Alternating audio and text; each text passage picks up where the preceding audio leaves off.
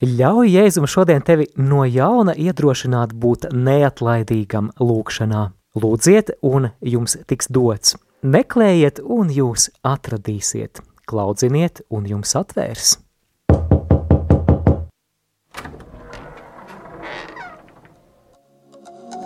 Bet eh, pie kurām durvīm īsti lai klaudzina? Lūkšana ir pirmā tēma, kuru mēs aplūkosim šodienas Mateja evaņģēlijas studijās, bet noslēgumā mēs runāsim arī par ģeniālu visas bauslības kopsavilkumu. Kas tajā ir tik īpašs, ka tas tiek saukts par zelta likumu? Esi laipni lūgts Randiņš ar bībeli 19. epizodē Lūkšana un zelta likums. Randiņš ar bībeli. Studijā Māris Veliks.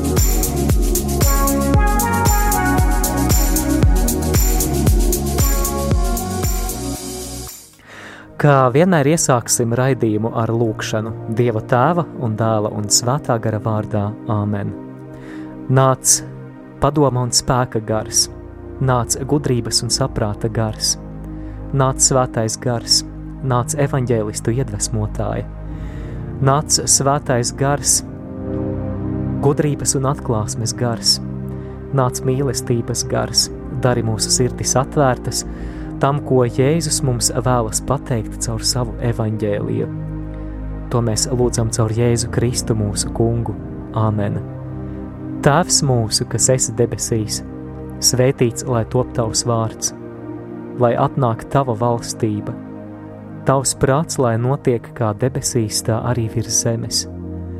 Mūsu dienascho maizi dod mums šodien, un piedod mums mūsu parādus, kā arī mēs piedodam saviem parādniekiem, un neieved mūsu kārdināšanā, bet atpestī mūs no ļaunā. Āmen! Svētais Matei, lūdz par mums! Vēlēs labāk iepazīt svētos rakstus, bet nezinu, ar ko sākt?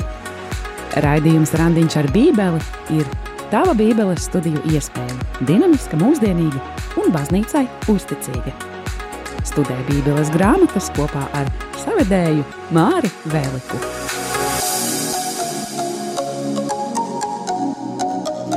Šoreiz mūsu Mateja evaņģēlijas studijas turpinām ar 7. nodaļas fragmentu no 7. līdz 12. pantam. Tātad Mateja 7 no 7. līdz 12. pantam. Edmund? Lūdziet, tad jums taps dots, meklējiet, tad jūs atradīsiet, klaudziniet, tad jums taps atvērts, jo ik viens, kas lūdz dabū, un kas meklē atrod, un tam, kas klaudzina, taps atvērts. Ja vai ir kāds cilvēks no jums, kas savam dēlam, kad tas maizi lūdz dotu akmeni, jeb kad tas zivi lūdz tam dotu čūsku, Ja nu, jūs ļauni būdami protat saviem bērniem dot labas dāvanas, vai tad jūsu debes tēvs nedos daudz vairāk laba tiem, kas viņu lūdz? Tad nu visu, ko jūs gribat, lai cilvēki jums dara, tāpat darat arī jūs viņiem, jo tā ir bauslība un pravieši. Šis bija Mateja 7 no 7. līdz 12. pantam, un es vēlos iesākt ar kaut ko tādu ļoti personisku, jo man šķiet, ka lasot ļoti pazīstamas rakstu vietas, un varbūt arī kāds no jums piekritīsiet, ka arī jūs esat to piedzīvojuši, tas lielākais kārdinājums ir piedzīvot to sajūtu, nu es taču šo rakstu vietu tik labi zinu, un nu, ko te vēl jaunu vari pateikt. Un, un uh, randiņš ar bībeli noteikti, noteikti ir mana sirdslieta. Es esmu sajūsmā par iespēju tieši šādi kalpot Dievam, Bet tas nenozīmē, ka vienmēr sagatavoties raidījumam ir viegli. Jo vienmēr mēdz būt tās radošās mokas, kad tu sēdi, skaties uz to rakstu vietu, liekas, varbūt kaut kas tik pazīstams, gluži kā šodienas rakstu vieta lūdz un jums lūdziet, un jums tiks dots, meklējiet, un jūs atradīsiet, un, un domā, nu, ko te klausītājiem tādu jaunu, vērtīgu par to varētu pateikt.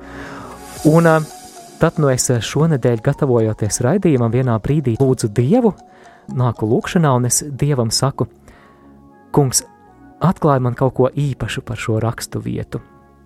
Un ar to es domāju, lai, lai Dievs man dot to sajūtu, ko bieži, bieži esmu piedzīvojis lasot Bībeli, ka tu lasi Bībeli, un tad pēkšņi tas, tas vārds it kā eksplodē tavā sirdī, un ka tu jūties uzrunāts, un, un ir tā wow, sajūta, tā pārsteiguma, jaunatklāsmes sajūta, ka jā, izrādās, izrādās arī šādi dziļumi šajā vārdā, un ziniet, un, un tad, lūkšanas turpinājumā, manuprāt, es saņēmu atbildi, un es, es saņēmu tādu iespaidu sirdī, apmēram tādu, ka Māri, Māri, tu šajā brīdī lūdz kaut kādu pārsteigumu. Tu gribi, lai šis vārds tevi pārsteidz, patiesībā tas, kas ir vajadzīgs, ir ticība. Vienkārši pieņem šo vārdu ticībā. Jā, un tik vienkārši, un tad es atcerējos, ka vēstulē ebrejiem 4. nodaļā, 2. pantā ir teikts, ka bet vārds, ko tie dzirdēja, viņiem nelīdzēja, jo tas klausītājos nebija savienots ar ticību. Jā, ja, ja Dieva vārds mūsos savienojas ar to ticību, nu, ta, tas gan ir tāds pamatīgs, eksplozīvs maisījums, un, un Klausītāji, es, es sapratu, ka patiesībā arī tā problēma, kuru Jēzus caur šiem šodienas vārdiem skar, ir mūsu masticība, kuras dēļ mēs tik bieži padodamies savā lūkšanu cīņā, ja mēs neredzam tūlītēju rezultātu. Tātad mūsu masticība, kuras dēļ mēs padodamies mūsu lūkšanu cīņā, tādēļ, ka mēs neredzam tūlītēju rezultātu, un, un tas var būt pat kaut kādās lietās, kur, kur mēs jūtam, ka varbūt jau pirms vairākiem gadiem Dievs mūs īpaši ir uzrunājis, īpaši ir licis mūsu sirdī, lūgt tieši par, par šo lietu, un tas var, varētu būt tāds mūsu lūkšanas aicinājums. Un tad, nu, Jēzus ar šiem vārdiem lūdziet, un jums tiks dots, meklējiet, un jūs atradīsiet, klaudziniet un jums atvērs, vēlas arī tevi klausītāji, arī mani, noteikti iedrošināt lūkšanā nepadoties, būt neatlaidīgam. Tad, nu, šī doma, kuru Jēzus caur šo fragmentu vēlas pateikt, ir tā, ka lūkšana tiks uzklausīta. Astotais pants. Ik viens, kas lūdz, saņem, un kas meklē, atrod, un tam, kas klaudzina, atvērs. Mēs pēc brīža, dārgo klausītāji, noteikti pievērsīsimies jautājumam, vai tiešām Dievs uzklausa vienmēr mūsu lūgšanas tā, kā mēs gribam. Tātad eh, šī tēma, lai mazliet, mazliet pagaida, bet uh, mums līdz tam ir jāpārunā vēl dažas svarīgas lietas. Eh, pievērsiet uzmanību, ka šeit darbības vārdi lūdz, meklē un klaudzina ir tagadnes formā. Un ko tas nozīmē? Tas norāda uz darbību, kas ir pastāvīga, uz darbību, kas turpinās. Tātad Jēzus aicinājums caur to mums ir esi neatlaidīgs savā lūkšanā un nepadodies pat tad, ja šķiet, ka atbilde vēl nenāk tā domājot vai meditējot par šiem diviem pantiem, man ienāca prātā tas, ka iespējams, ka mēs nokļūstot debesīs būsim pārsteigti, cik daudz iespējas mēs neizlūdzām tikai tādēļ vien, ka mēs ātri padevāmies, jo neredzējām rezultātu. Tāpēc es vēlos, lai šajā brīdī, kad raidījumā es uz tevi runāju, un neatkarīgi no tā, vai tu dzirdi mani tiešraidē, uh, Neatkarīgi no tā, vai tu to klausies atkārtojumā vai internetā arhīvā, es vēlos, lai svētais gars patiešām plūst šī raidījuma laikā, lai tu sajūti, kā viņš darbojās pie tavas sirds un atjauno tevi, tevi to sākotnējo dedzību lūgt par tām lietām, kuras Dievs tavā sirdī ir ielicis. Varbūt, varbūt tu klausītāji esi jutis savā sirdī iedvesmu lūgt, piemēram, par savu tuvinieku atgriešanos, varbūt par sava vīra atgriešanos, par savas sievas vai bērnu atgriešanos, Un varbūt tu lūdzies vairākus gadus, un liekas, nekas nemainās, un varbūt tā motivācija jau kaut kur ir pamatīgi sašļukusies, un varbūt pat pilnīgi zaudēta. Tad no nu caur šodienas fragmentu es vēlos tevi iedrošināt, nepadodies. Ik viens, kas lūdz, saņem, un kas meklē, atrod, un tam, kas klaudzina, atvērs. Varbūt arī kāds no jums, dārgie klausītāji, ir savulaik jutis tādu dedzību lūgt par Latvijas garīgo atmodu, lai patiešām draudzes atdzimst, lai ticība ģimenēs atdzimst, lai lūkšanu grupas būtu, lai būtu evanģelizācijas, lai būtu dedzīga lūkšana, lai būtu svēti aicinājumi uz priesterību, uz konsekrēto dzīvi, lai būtu svētas ģimenes.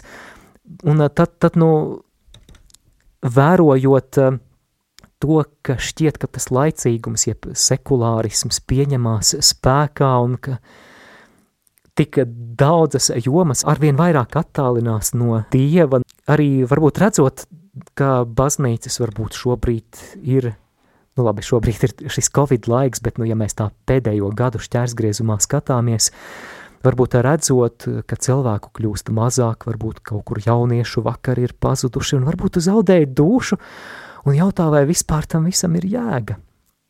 Klausītāji, nepadodies! Nepadodies! No vienas puses tas, protams, ir ļoti cilvēcīgi, ka mums gribas, lai viss notiek tūlīt, bet man šķiet, ka šajā ziņā mēs atgādinām tādus mazus bērniņus, kuriem vajag tagad un tūlīt.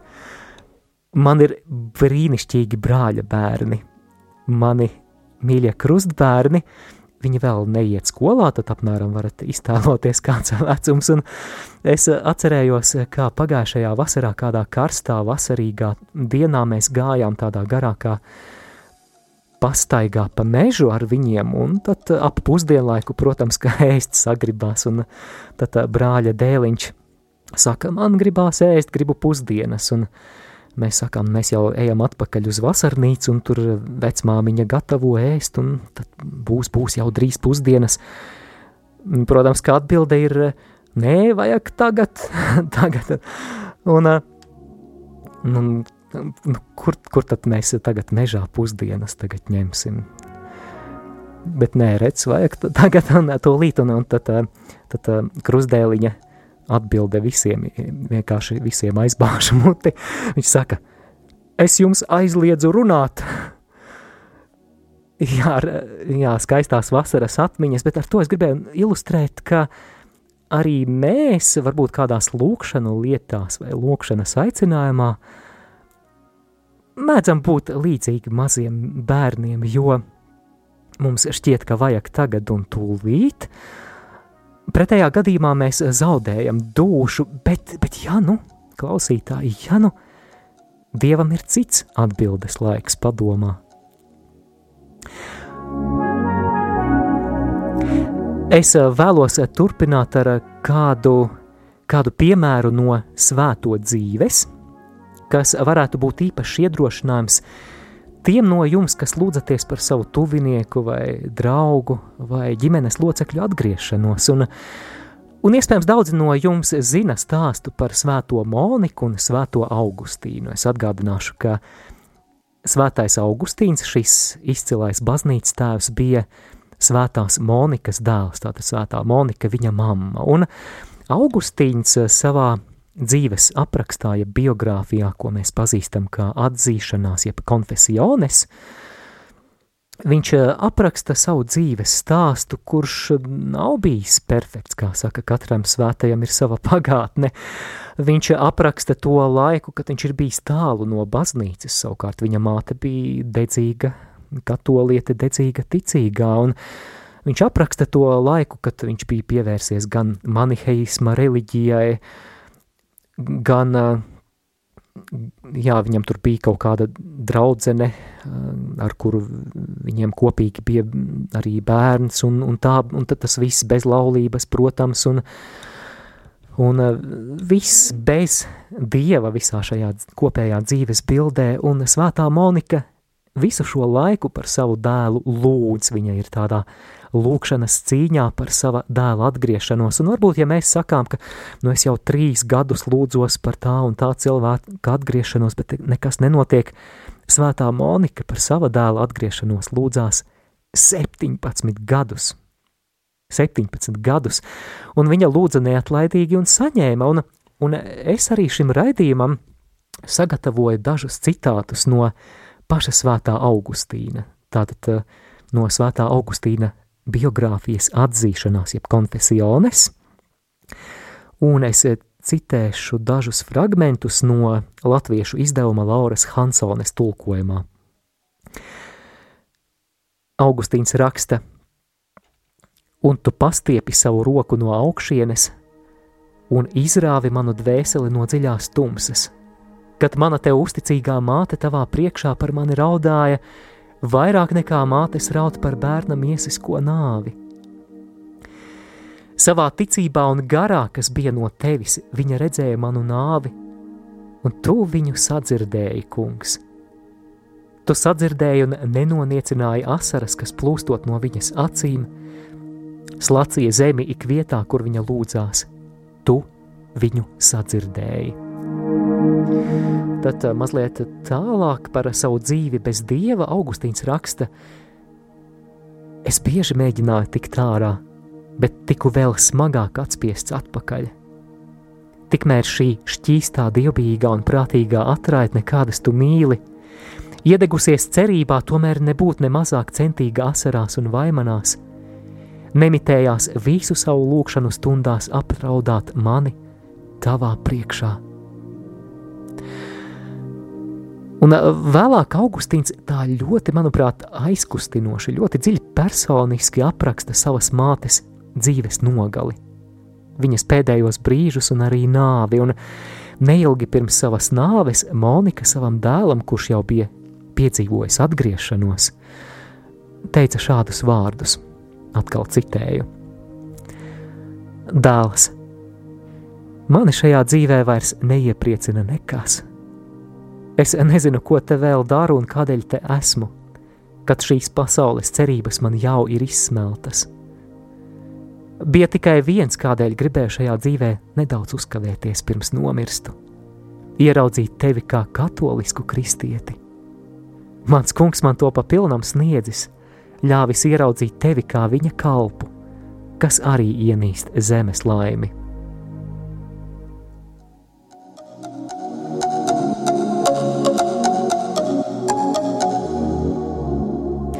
Jā, šis eh, slavenais stāsts par svētās Monikas lūkšanu cīņu 17 gadu garumā. Jā, lieliska tāda liecība tam, ko nozīmē neatlaidība lūkšanā. Un 17 gadi nav maz, vai ne? Bet tomēr, lai arī cik populārs šis stāsts ir, mums kaut kā garām ir paslīdējis vēl viens fakts – Svētais Augustīns arī raksta par to, ka svētā Monika, viņa māte, bija lūgusi, izlūgusi arī sava vīra atgriešanos neilgi pirms viņa nāves, un, un tiek uzskatīts, ka šī lūkšana cīņa bija vēl garāka, kādus 30 gadus. Un tad, nu pārfrāzējot šodienas rakstu vietu, varētu teikt, ka viņa meklēja neatlaidīgi un saņēma, viņa klauvēja neatlaidīgi un viņai tika atvērts. Jēkaba vēstulē, jā, tātad Jēkaba vēstule, tā ir ceturtā nodaļa un otrais pants, šeit ir rakstīts tā, ka jūs neiegūstat tādēļ, ka jūs nelūdzat. Tāpēc es vēlos, lai šis raidījums tev klausītāji kalpo kā iedrošinājums būt neatlaidīgam lūkšanā. Nepalaid garām iespējas nepacietības dēļ. Un, bet šajā brīdī, dārgo klausītāji, es vēlos tevi iesaistīt ēterā, un es, es ceru, ka tu šajā raidījumā sniegs arī brīnišķīgas liecības un ilustrācijas. Varbūt tev ir arī līdzīgi stāsti par lūkšanas spēku. Jebkāda liecība par lūkšanas spēku droši zvani, raksti, tūlīt atgādināšu kontaktinformāciju, un Tu nu pat dzirdēji arī stāstu par svēto Moniku, par to, kā viņa izlūdza sava dēla Augustīna atgriešanos. Varbūt arī tev ir līdzīgs stāsts, varbūt arī tu lūdzi par kādu savu tuvinieku, vai arī otrādi, varbūt arī kāds, kāds no taviem mīļajiem ilgi, jo ilgi ir lūdzis par tevi, lai reiz kādā dienā tu atdotu un uzticētu savu dzīvi Jēzum kā savam kungam. Droši iesaisties ēterā, es būšu ļoti, ļoti pateicīgs, un es zinu, ka tava personiskā liecība iedrošinās arī citus klausītājus, un arī tā būs liecība un ilustrācija tam, ka tas, par ko es šeit runāju, kas varbūt var izklausīties mazliet teorētiski, ka patiesībā tas praktiski darbojās. Patiešām droši nekautrējies, pagodini Dievu ar savu liecību. Es zinu, ka tas var prasīt no tevis kaut kādu upuri, varbūt pārvarēt eh, kautrīgumu vai jā, galu galā ir kaut kāds laiks jāatvēl, lai paņemtu telefonu rokās, zvanītu vai rakstītu, bet būšu tiešām nosirds pateicīgs, ja to izdarīsi. Iesaisties ēterā, zvanot uz studijas tālruni 67 969 131 vai rakstot īsiņu uz numuru 266 77 272. Izmanto arī e-pasta iespēju studija at rml.lv.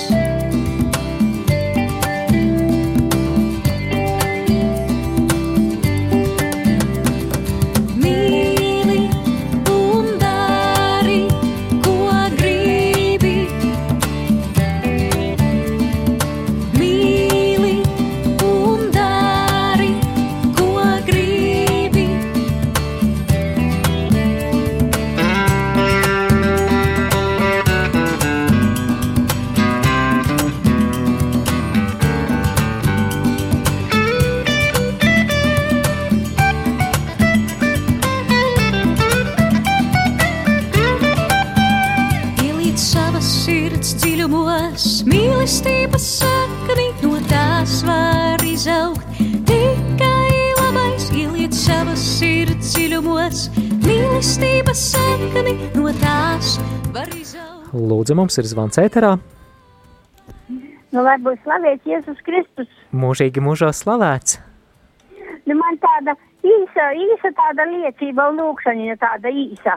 Jā, klausāmies. Mm, Pagājušā vasarā tik šausmīgi karsts bija, un es jau vasarā, vasarās braukāju ar velosipēdu uz dobeli sestdienās un svētdienās. Tas ir regulāri katru sestdienu, katru svētdienu. Un atbraucu sestdienas vakarā tik, šau, tik šausmīgi karsts laiks un nav spēka. Un aizies dārzam paskatās gurkieši novītuši, novītuši gurkieši un tik skaisti man gurkieši un novītuši. Es teicu, Diev, man mīļo, man nav spēka. Man nav spēka aplaistīt. Un es ar asarām, es tā sirsnīgi palūdzu, es teicu, kaut piecas minūtītes, kad nolietu lietas, lai, lai izdzīvotu viņu, jo rītā svētdien, rītā es atkal braukšu uz baznīcu un atkal neaplaisīšu un nav spēka. Un ticat vai neticat, man bija pulkstens, bija pretī, piecas minūtes noliek tāds oh. lietus.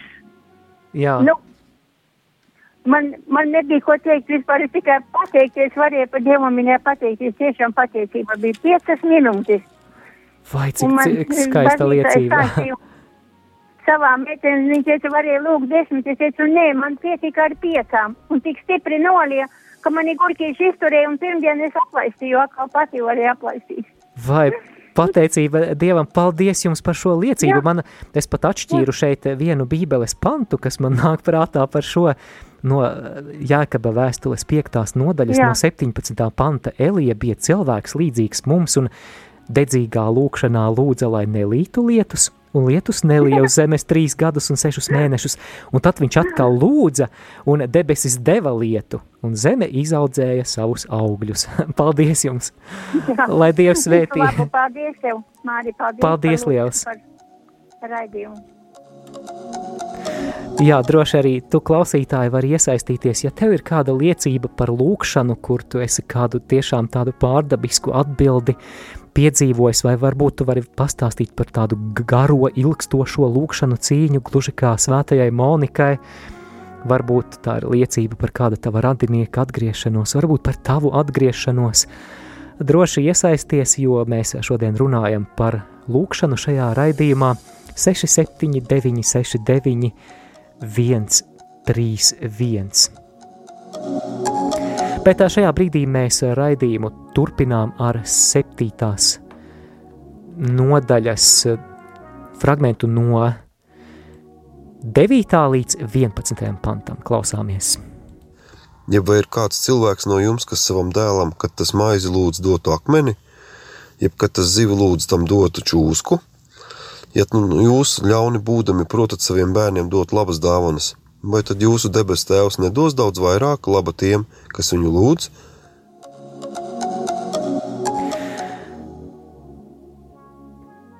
Jā, mēs, mēs nu, pat dzirdējām fragment no 9. līdz 11. pantam, un komentējot šo pantu, es vēlos atgādināt to tematu, ko es jau pirms kāda brīža pieteicu, ka noteikti mēs kādā brīdī šajā raidījumā parunāsim par to, vai patiešām ir tā, ka Dievs uz mūsu lūgšanām atbild vienmēr precīzi tā, kā mēs to saprotam kā mēs to pieprasām un, un gribam. Un nu pat arī izskanēja šis fragments no 9. līdz 11. pantam. Es vēlos piedāvāt vēlreiz šo fragmentu no jaunā tulkojuma, Vai starp jums ir cilvēks, kas savam dēlam, ja tas lūgs maizi, dos akmeni, vai ja tas lūgs zivi, dos tam čūsku? Ja nu jūs, ļauni būdami saviem bērniem, dodat labas dāvanas, cik daudz vairāk laba jūsu debesu tēvs dos tiem, kas viņu lūdz? Jā, pirms es komentēju šo pantu, mums ir vēl kāds zvans studijā, lūdzu. Lai top slavēts Jēzus Kristus. Mūžīgi mūžam slavēts. Pa, pat nopūšos. Tagad jau nevar saprast, kurš raidījums iet atkārtojumā un kurš iet ēterā. Kaut kā bija palaidis garām. Es patraucēju jūs. Nu, pirmkārt, es jau gribu pa pasveicināt Valentīnas kundzi, kas pirms manis zvanīja ar rītdienas vārdiem. Es ceru, ka viņi mani dzird. Noteikti. Vai ne? Es ar tā domāju. Ir tīpaši, ja to dara vīrietis. O, protams. Ko es gribēju, man liecība būtu tāda, kāda sirds tiešām bija pilna klausies. Man paldies tev, tu māc uzrunāt cilvēku. Un, ja jau vecis, tas saka, vat neticējuši, vai ne, ņem pats ar kā tu teici, pausulu ņem un zvana. es tā arī izdarīju. Mans dzīves stāsts ir tāds, kad uh, mēs bijām ar sieviņu desmit gadus jau nu, nodzīvojis, mums jau bija divi bērni. Un es nebiju ne kristīs, ne laulāts, nekas nulle. Jā. Appaļa nulle, kā to varētu teikt, vai ne? Un, un tad man gan paldies manai krustmātei, es ceru, ka viņa īsti kalnā Regīna klausās, vai ne? Viņa teica, nu, cik, cik jūs, jūs, nu, kaut kā viņa, kaut kā to manu sievu, ne jau mani. To es jums varu pateikt uzreiz, vai ne? Vajag aizbraukt, vai ne? Vajag izdarīt to, vai ne? Un, Nu, labi, nu, iedomājieties, Magdalēnas baznīcā. Nu, tik skaisti mani nokristīja, iedomājieties. Nu, mani salauzāja, mūsu salauzāja, tā kas ir jāsaka. Ne?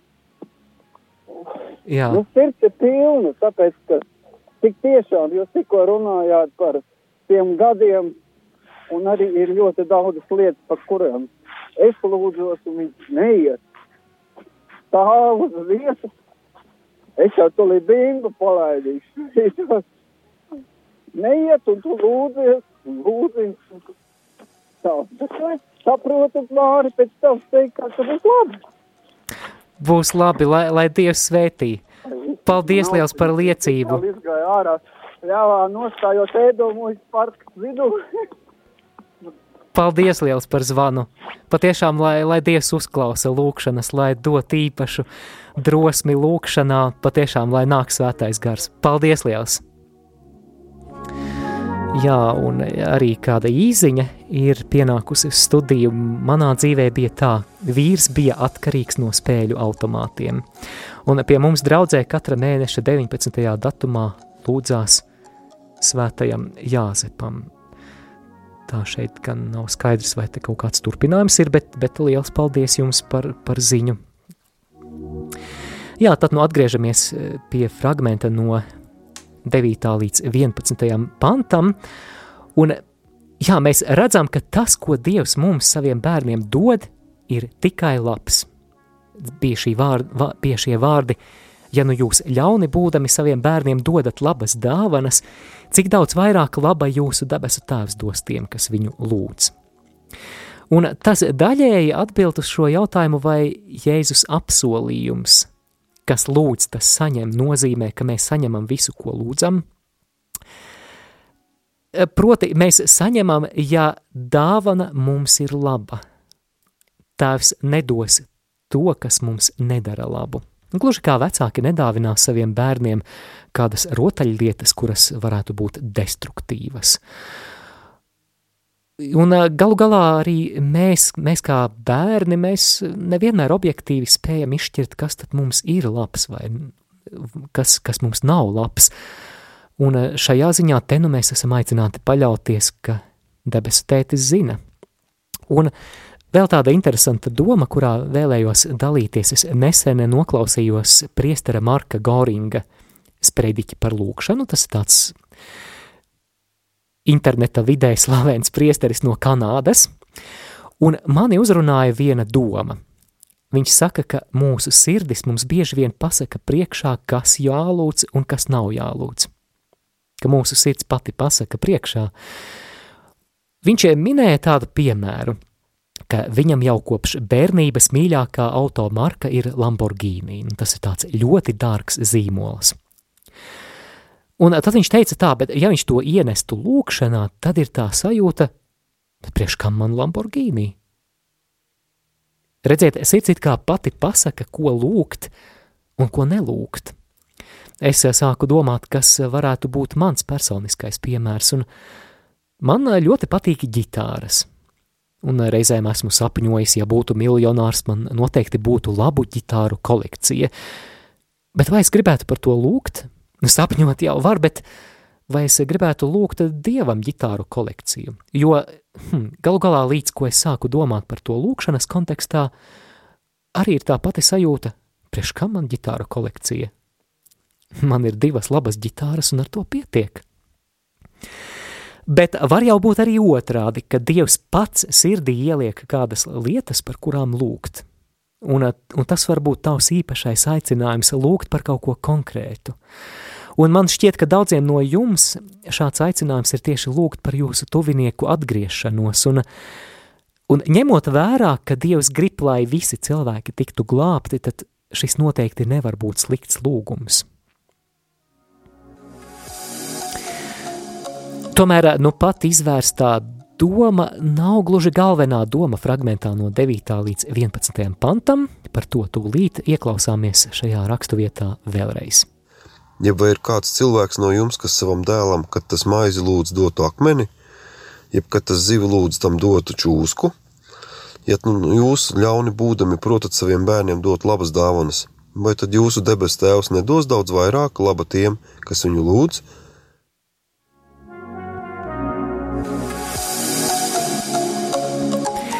Jā, centrālā doma šajā fragmentā ir šāda. Šeit Jēzus vēlas saviem klausītājiem atklāt kaut ko būtisku par debesu tēvu. kā tu dzirdēji, viņš salīdzina šīs zemes vecākus ar debesu tēvu, un šeit ir gan līdzība, gan ir kaut kas būtiski atšķirīgs. Jēzus šeit attēlo situāciju, kura normālos apstākļos parasti nav iedomājama. Jo pat tie ļaundari, tie, kas ir ļaundari, visbiežāk pret saviem bērniem tomēr, tomēr izturas labi. Nu, protams, ir visādi izņēmumi, bet nu, mēs runājam par tādu, tādu vidējo aritmētisko. Nav tā, ka bērniņš lūdz maizi un tu pasvied viņa, viņam akmeni vai, vai bērniņš lūdz zivi, un tu izspēlē tādu baigo, smieklīgo joku, un met, met čūsku, un sanāk baigais joks.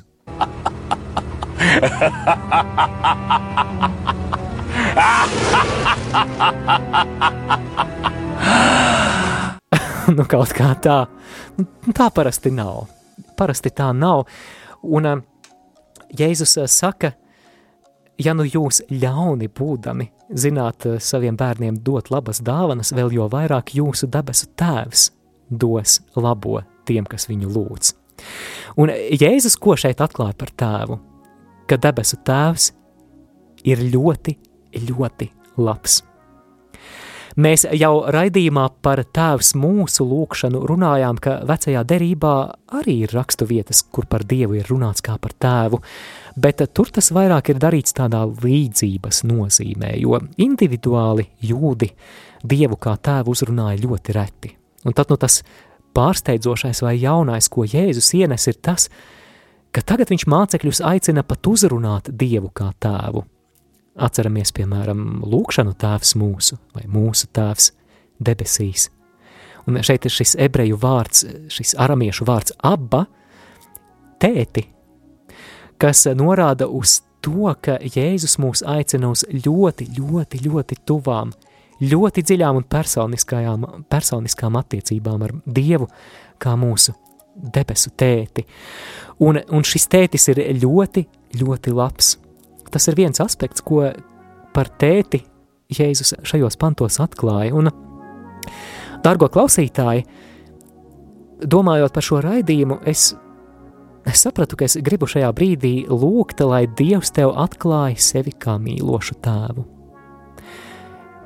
Jo it sevišķi tad, ja, ja tu neesi piedzīvojis sava šīs zemes tēva mīlestību, Iespējams, ka tev būs ļoti grūti pieņemt Dievu kā tēti.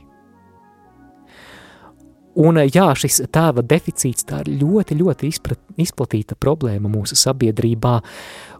Un jā, es vēlos tulīt lūgt, lai Dievs atklāja savu tēva mīlestību tev, un mans sapnis par šo raidījumu ir, lai šis raidījums nav tikai informatīvs, bet lai tas ir pārdabisks, un, un tā tam ir jābūt kristīgajā dzīvē, lai ir šī pārdabiskā dimensija, proti, lai Dievs caur šo raidījumu darbojas un paveic to, kas cilvēkam nav iespējams. Un eh, piedzīvot debesu tēvu kā savu tēti, iepazīt viņa mīlestību, tas ir kaut kas pārdabisks. Un, un tam ir jākļūst arī par pamatu mūsu dzīvē, un tāpēc Jēzus šeit arī atklāja Dievu kā tēvu. Tad no īsu brīdi pavadīsim lūkšanām.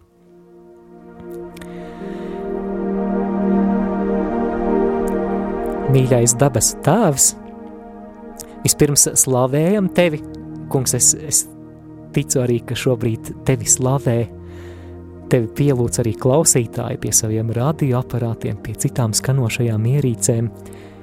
Tēti, mēs tevi slavējam, atdodam tev godu. Tu esi visdārgākais, tu esi visas realitātes centrā un Tēti, mēs pateicamies Tev par šo iespēju, ka caur Jēzu Kristu – caur viņa nāvi, caur viņa augšām celšanos mēs esam tavi bērni, un ka mēs drīkstam tevi saukt par tēti. Un es šajā brīdī vēlos īpaši lūgt, lai tu apskauj un samīļot tos radio klausītājus, kuru sirdīs ir kaut kāds šķērslis vai kaut kāds bloks, kas neļauj, kas neļauj šo tēva mīlestību piedzīvot un kas neļauj līdz galam tev uzticēties kā labam, labam tētim. Kungs, tev viss ir iespējams, dziedini šos šķēršļus un lūdzu dziedini tos klausītājus viņu sirdīs, viņu dvēselēs, kas nav piedzīvojuši šīs zemes tēva mīlestību, un tāpēc viņiem ir arī varbūt grūti uzticēties tev. Lūdzu, izlai savu svēto garu, jo caur savu svēto garu tu ielēji mūsu sirdīs savu mīlestību. Un ļauj tagad katram klausītājam sajust, ka tu viņus apskauj, ka tu viņus mīli bez nosacījumiem, mīli līdz galam, ka viņi ir tavi mīļotie dēli, mīļotās meitas, Kungs apzīmogo viņu sirdis ar šo savu mīlestību. Dari tās atvērtas tavai mīlestībai. To mēs lūdzam Jēzus Kristus vārdā. Āmen!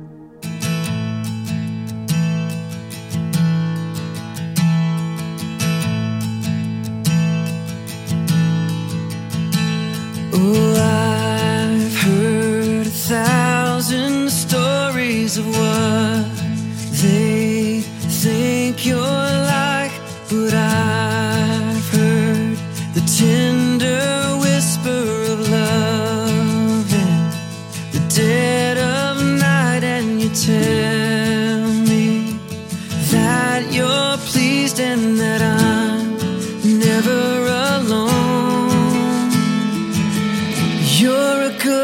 good, father.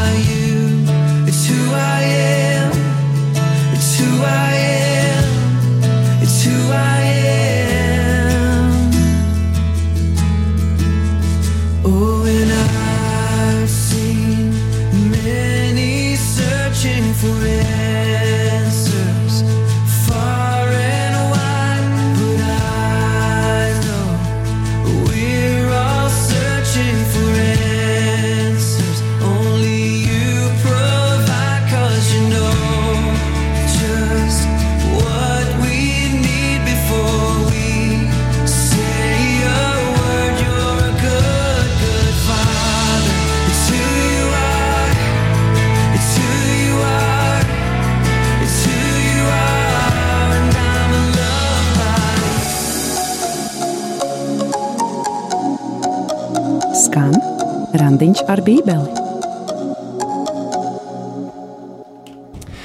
Mums ir zvans studijā randiņā ar bībeli. Lūdzu, Lai top slavēts Jēzus Kristus. mūžīgi mūžam slavēts. Nu, mums tā saruna bija šim pārtrūka. Es atvainojos, nu, kā jau tie sakari mūsdienās. Paldies par to mīļo lūkšanu, ko jūs tikko Māri tu tagad noskaitīji. Goda vārds stāvēja parka vidū, rokas gaisa un, un, un lūdzu Dievam. Slava Dievam! Jā, pateicība Dievam. Jo redz, ka sakrīt manā dzīvē arī sakrīt, nu, kā saka, nebija tēvs, bija tēvs, bet pēc tam patēvs un bagāts mūžs man jau ir, vai ne, un nu, tāpēc kaut kā ieklausoties tavos vārdos, es sadzirdēju un es arī lūdzos par viņiem abiem. Jo vienalga, jebkurā variantā, Jā. vai ne, tomēr katrs ir kaut ko savā dzīvē darījis. Tas ir viens, vai ne, protams, jā, nu, tēvs mums debesīs, tas ir viens. Es arī aizlūdzu par visiem, aizlūdzu par visiem aizgājējiem, jo, diemžēl, ģimenes ir dažādas, ģimenes ir dažādas, un es esmu daudz ko redzējis un dzirdējis, vai ne savā dzīvē, esmu nostrādājis 20 gadus uz taksometru, un es jums varētu grāmatu uzrakstīt un izstāstīt par cilvēkiem. Mīļš, mīļš, paldies tev, Māri, par šo jauko, jauko raidījumu, ko tu, tu tā uzrunāji. Mīļš, paldies! uzrunāji. Prieks dzirdēt! Jā, Jā, bet, pa, bet pielikt tādu, tādu treknu punktu, treknu Jā. punktu, kad es beidzu svētdienas skolu pie Gunāra diakona. Visi, kas pazīst diakonu Gunāru, viņš zina. Viņu ieraudzīt jau grib jau rokas trīc, kājas trīc, zina, nu te būs zieps vai ne tagad šitas te. Un ziniet, tā kā es pabeidzu svētdienas skolu, viņš mums iedeva visiem vienu uzdevumu. Atvest vienu cilvēku uz baznīcu. O, labs uzdevums! Vai ne? Jā. Vai ne? Labi skan, labi skan, vai ne? Es tā domāju, mīļais Dievs, nu kur te tagad tāds, nu Gunārs, tā tu pats paši ziniet, Gunār, vai ne? Un es tā zinu, lēnām strādāju, strādāju tur meitiņiem, man tur draugi, vai ne? Un es tur ar vienu puisi, ar otru puisi, vai ne? Skatos, tie tur ģimenīt veidojās, un es tur tā lēnām, lēnām, tā kā tāds partizāns, vai ne? Es izpildīju Gunāru. Es izpildīju Gunāru. O, Lūgumi super. Ir, tikai iesvētīts, un nokristīts un salauzts. Un, un visu izdarīt. Es novēlu oh, visiem mīļām skaisti. Latvijai. Visai mīļai Latvijai, katram pa vienam atvest uz baznīcu. Āmen! Paldies, liels! Āmen. Paldies par šo liecību! āmen. Šī liecība šeit Jā. bija vajadzīga. Paldies. Paldies, Paldies, liels! atā. Labi, atā, lai Dievs svētī. Jā, mums ir turpinājums tai īsiņai, tātad vēlreiz kopā nolasīšu. Man dzīvē bija tā, vīrs bija atkarīgs no spēļu automātiem. Pie mums draudzē katra mēneša 19. dat- datumā lūdzās svētajam Jāzepam, un brīnums notika. Vīrs svinnēja un apstājās, un pateica, cilvēks vienreiz dzīvē var vinnēt. Slava Dievam! Pateicība Dievam! Bet eh, turpinām šajā brīdī ar eh, Mateja evaņģēlijas 7. nodaļas 12. pantu, un tas ir pēdējais pants, kuru mēs šodien aplūkosim raidījumā. Tad nu visu, ko jūs gribat, lai cilvēki jums dara, tāpat darat arī jūs viņiem, jo tā ir bauslība un pravieši. Te nu mēs esam nonākuši pie Jēzus izteikuma, ko mēdz saukt par zelta likumu. Un nevelti, jo ģeniāli tajā ir ietverts visa likuma kopsavilkums. Tāpēc Jēzus šeit saka, jo tā ir bauslība un pravieši. Un mēs pēc kāda brīža runāsim, kādā veidā šis ir likuma kopsavilkums. Bet līdz tam vēl dažas, manuprāt, interesantas domas. Vispirms jānorāda, ka līdzīgi izteikumi šajā laikā bija pazīstami arī ārpus Jēzus sludināšanas. Mēs zinām par kādu rabīnu Hilēlu, kurš ir mir- miris 10. gadsimtā pēc Kristus. Un ā, par viņu esot tāds nostāsts, ka kāds pagāns esot viņu izaicinājis un esot teicis apkopo visu bauslību, kamēr es spēju nostāvēt uz vienas kājas. Es nezinu, klausītāji, cik ilgi tu spēji nostāvēt uz vienas kājas, bet acīm redzot, tā doma ir tāda, ka baigi ilgi nevar nostāvēt, tā kāja nogurst, un tad, kamēr es stāvu uz vienas kājas, tev ir jāpasaka pati galvenā sāls, pat, pati esence no vecās derības. Un rabīns Hilēls šim pagānam stāvot uz kājas, esot atbildējis, ko tu nīsti, to nedari nevienam. Tas ir viss likums. Viss pārējais ir komentāri. Jā, vai, vai ievēroja klausītāji, cik līdzīgi ir rabīna Hilēla vārdi Jēzus zelta likumam? Bet šeit ir kāda atšķirība. Jēzus šo domu izsaka nevis negatīvi, bet pozitīvi. Proti, nevis nedari citam, ko tu negribi, lai citi tev darītu, bet dari to, ko gribi, lai citi tev darītu. Tātad darīt pretstatā, pretstatā nedarīt. Visu, ko jūs gribat, lai cilvēki jums dara, tāpat dariet arī jūs viņiem. Un tādējādi Jēzus paaugstina patiesībā šeit latiņu, jo viņš aicina ne tikai nedarīt ļaunu, bet viņš aicina uz kaut ko vairāk, viņš aicina darīt labu. Un atcerēsimies, piemēram, Jēzus vārdus, ka visu, ko jūs esat darījuši vienam no šiem maniem vismazākajiem brāļiem, to jūs esat man darījuši. Mateja 25, 40.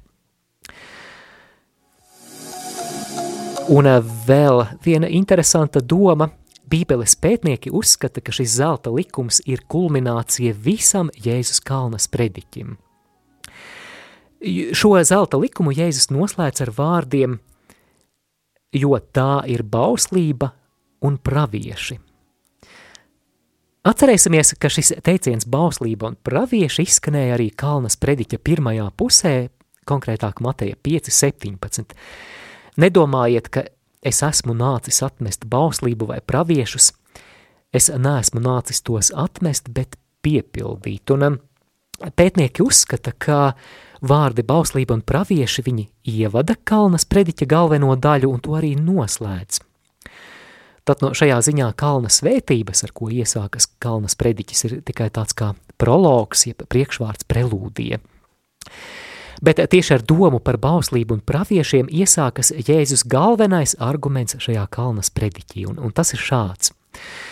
Šeit mazliet jāsakoncentrē uzmanība, jo šī doma, šis arguments īstenībā ir ļoti sarežģīts, tāpēc es darīšu visu, kas manos spēkos, lai cik vien es vienkārši to spēju izteikt, lai to pateiktu. Tātad Jēzus galvenā doma par bauslību kalnas prediķī. Proti, Jēzus nav nācis, lai atceltu bauslību un praviešus. Jeb to, ko mēs šodien saucam par veco derību. Vecā derība arī šodien ir un paliek autoritatīvs Dieva vārds. Bet rodas jautājums, kā tad pielietot to, kas tur rakstīts, it sevišķi tos daudzos vecās derības priekšrakstus, jeb likumus. Tad, nu tā kā vecās derības piepildījums ir Jēzus, viņš ir nācis piepildīt bauslību un praviešus, tad tieši viņa skaidrojums par likuma pielietojumu tagad ir jāņem vērā. Tad, lai to ilustrētu, Jēzus Kalnas prediķa turpinājumā sniedz vairākus konkrētus piemērus tam, kā mums šī bauslība ir jāpielieto. Atcerēsimies, ka mēs tur dzirdējām par laulības pārkāpšanu, ka to var pārkāpt arī sirdī un ar skatienu. Tur bija par dusmām un slepkavību, par zvērestu došanu un tā tālāk. Un šajos piemēros viņš aicina skatīties ne tik daudz uz baušļa burtu, bet uz baušļa garu. Jo, jo tad, tad, ja mēs saprotam, kas tad ir bauslības sirdī, tad mums, kā debesu valstības pilsoņiem, vairs nav nepieciešamības pēc sīkiem ārējiem priekšrakstiem. Un tā nu šo garo argumentu Kalnas prediķī Jēzus noslēdz tieši šeit, 7. nodaļas 12. pantā, zelta likumā. Visu, ko jūs gribat, lai cilvēki jums dara, tāpat dariet arī jūs viņiem, jo tā ir bauslība un pravieši. Tātad Jēzus šeit ir kā secina, ka ņemot vērā visu, ko es jums šeit mācīju par patieso vecās derības bauslības virzienu, ievērojiet zelta likumu. Ja tā darīsiet, tad greizi jūs nenošausiet, jo šī ir bauslība un pravieši.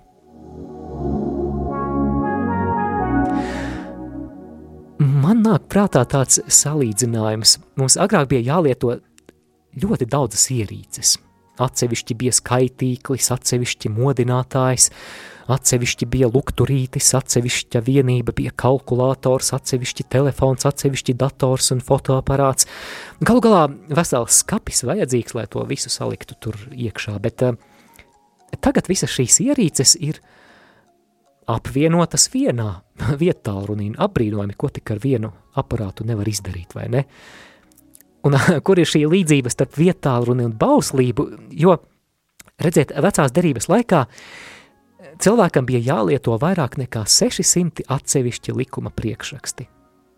Tad nu, Jēzus tagad piedāvā visu vienā, gluži kā vietālrunī, viss vienā.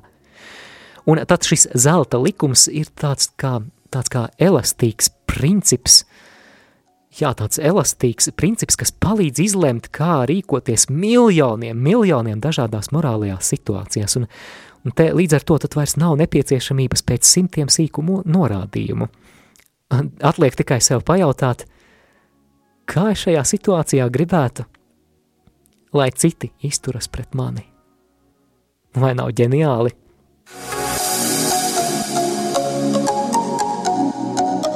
Skan Randiņš ar bībeli. Un eh, noslēgumā, kā šis zelta likums praktiski darbojas? Kāpēc tas savelk kopā visu bauslību?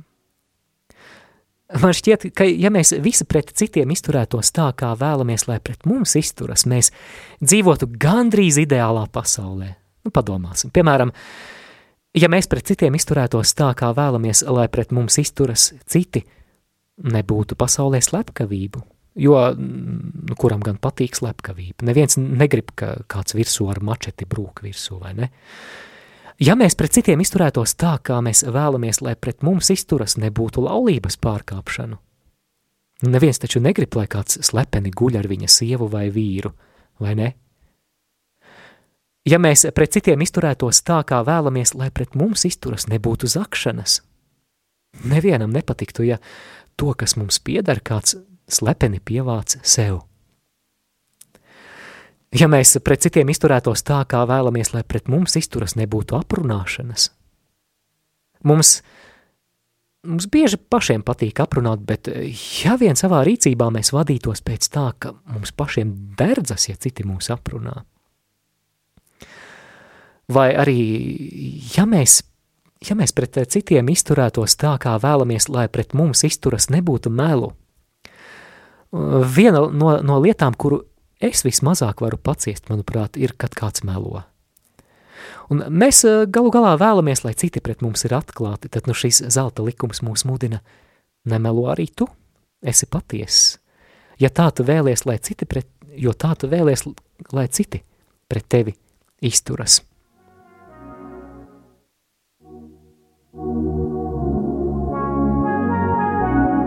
Kā dzirdētais attiecas uz manu dzīvi? Es izcelšu trīs domas no raidījuma. Pirmā doma – nepadodies lūkšanā par lietām, kuras Dievs ir licis tavā sirdī. Otrā – nereti ieklausoties savā sirdī, mēs varam uzzināt, vai Dievs vēlas, lai lūdzam par konkrētu lietu.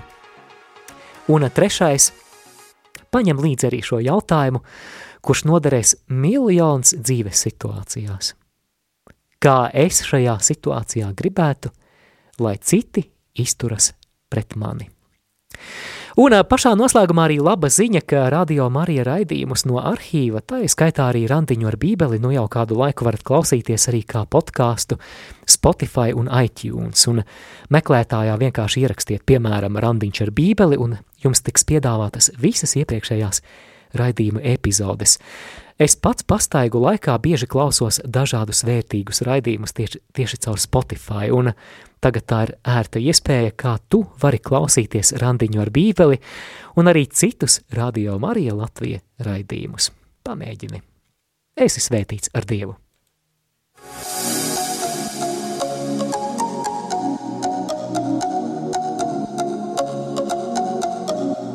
Jūs klausījāties raidījumu Randiņš ar Bībeli. Savas atsauksmes, ieteikumus un jautājumus sūtiet uz e-pastu Randiņš ar Bībeli at gmail.com. Iepriekšējās raidījuma epizodes aicinām meklēt arhīvā.